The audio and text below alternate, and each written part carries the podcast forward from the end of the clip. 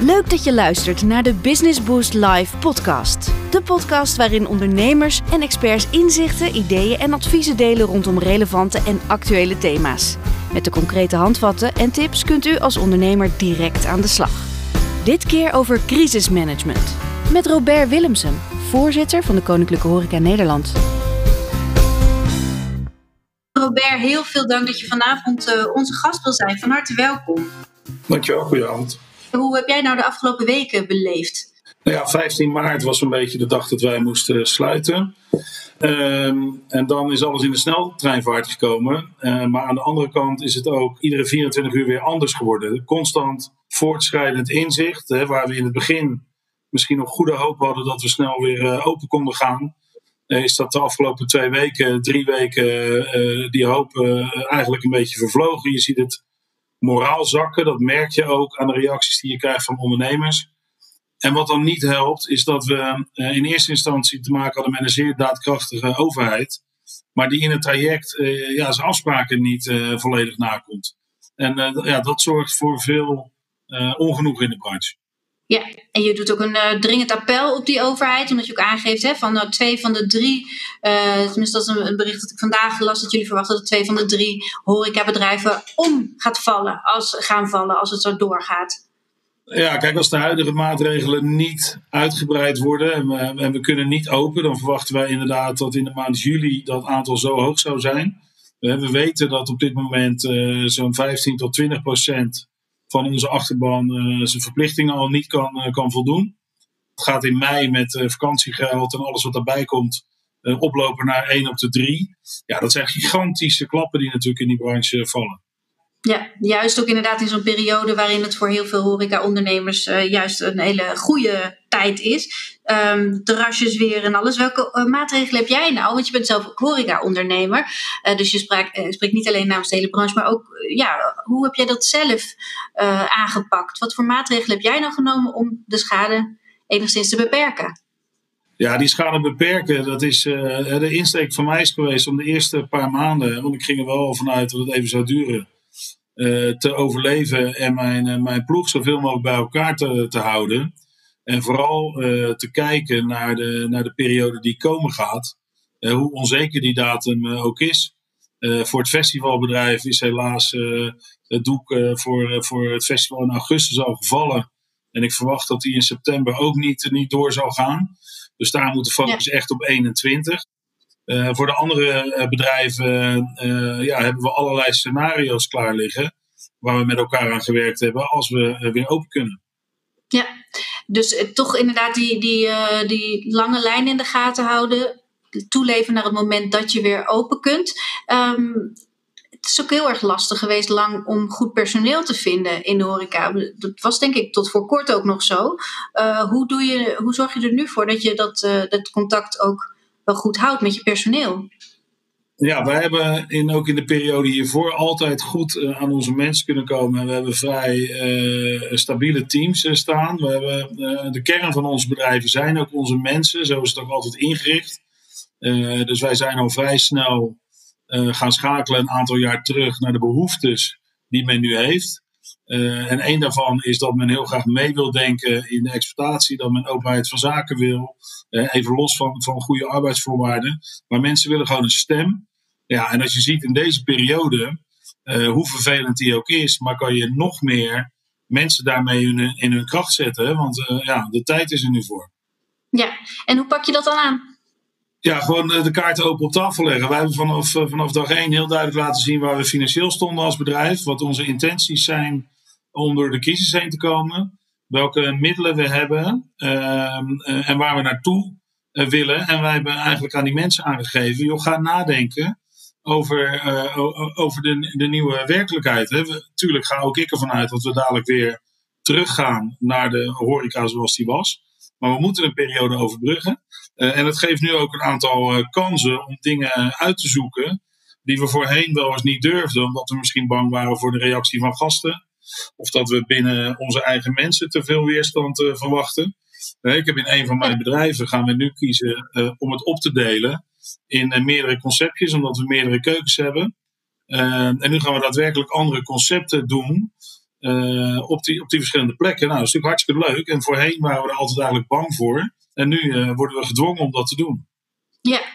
Ja, dat is inderdaad ook wel weer die, die, die kracht die ontstaat vanuit de crisis. Dat zie je bijvoorbeeld ook heel erg gebeuren met dat thuisonderwijs in een sector die uh, misschien als wat behoudend bekend stond, het onderwijs. En daar gebeurt nu toch inderdaad ineens heel veel online. Dus daar, zit ook, daar zitten wel mogelijkheden. Dat is ook een vraag die uh, binnenkomt. Uh, er wordt vanuit de overheid eigenlijk alleen maar gekeken naar wat er niet kan. Hebben jullie ook gekeken naar nieuwe mogelijkheden? Nou, je noemde er natuurlijk net al één. Diverse keukens dan.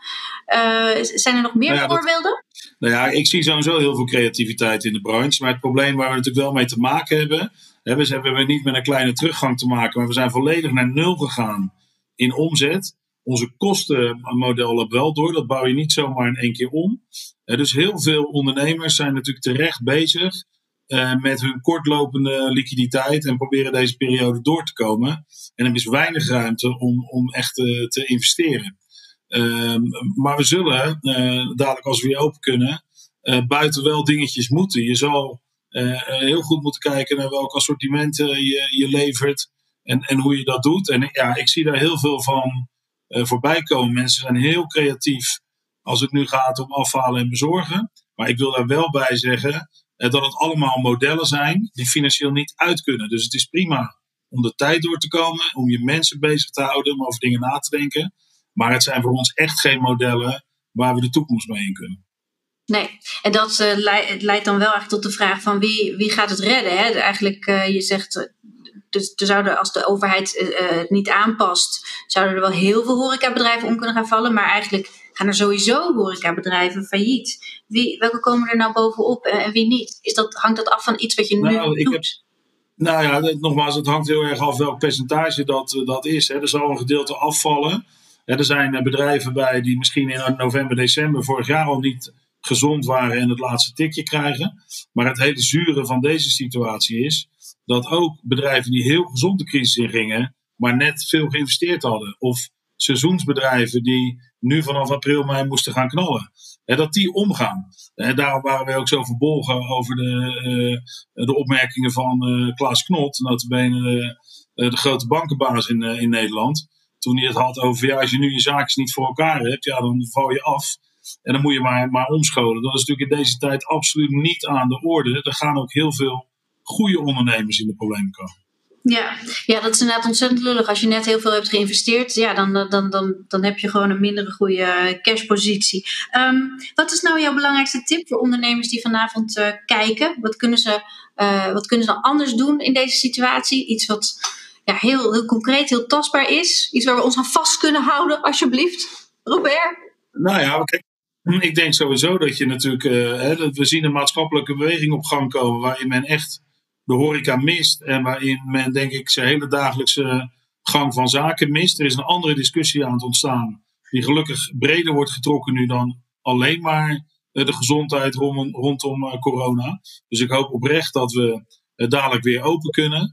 Uh, en, en, en voor de korte termijn, en het is misschien een heel flauw antwoord, maar ondernemers moeten vooral heel goed blijven rekenen. Hè? Want als je nu allerlei dingen vooruit aan het schuiven bent, waarmee je eigenlijk je problemen één of twee kwartalen gaat verleggen, ja, dat, dat moet je niet willen. Dan, dan zou je uh, op korte termijn moeten besluiten om je exploitatie te staken en misschien op een ander moment weer, weer verder te gaan. Ehm, maar men moet echt heel goed blijven kijken van alle maatregelen die ik nu neem.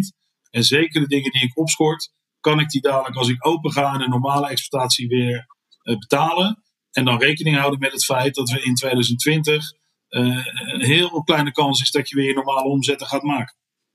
Ja. ja, wat ik ook nog dacht voor de horeca, je kan het bijna niet inhalen. Hè? Want de horeca draaide volgens mij heel erg goed. Maar je kan uiteindelijk als je een restaurant hebt of een, gelegenheid, er kunnen maar zoveel mensen in. Je kan niet zeggen, oh, ik ga even extra hard of zo.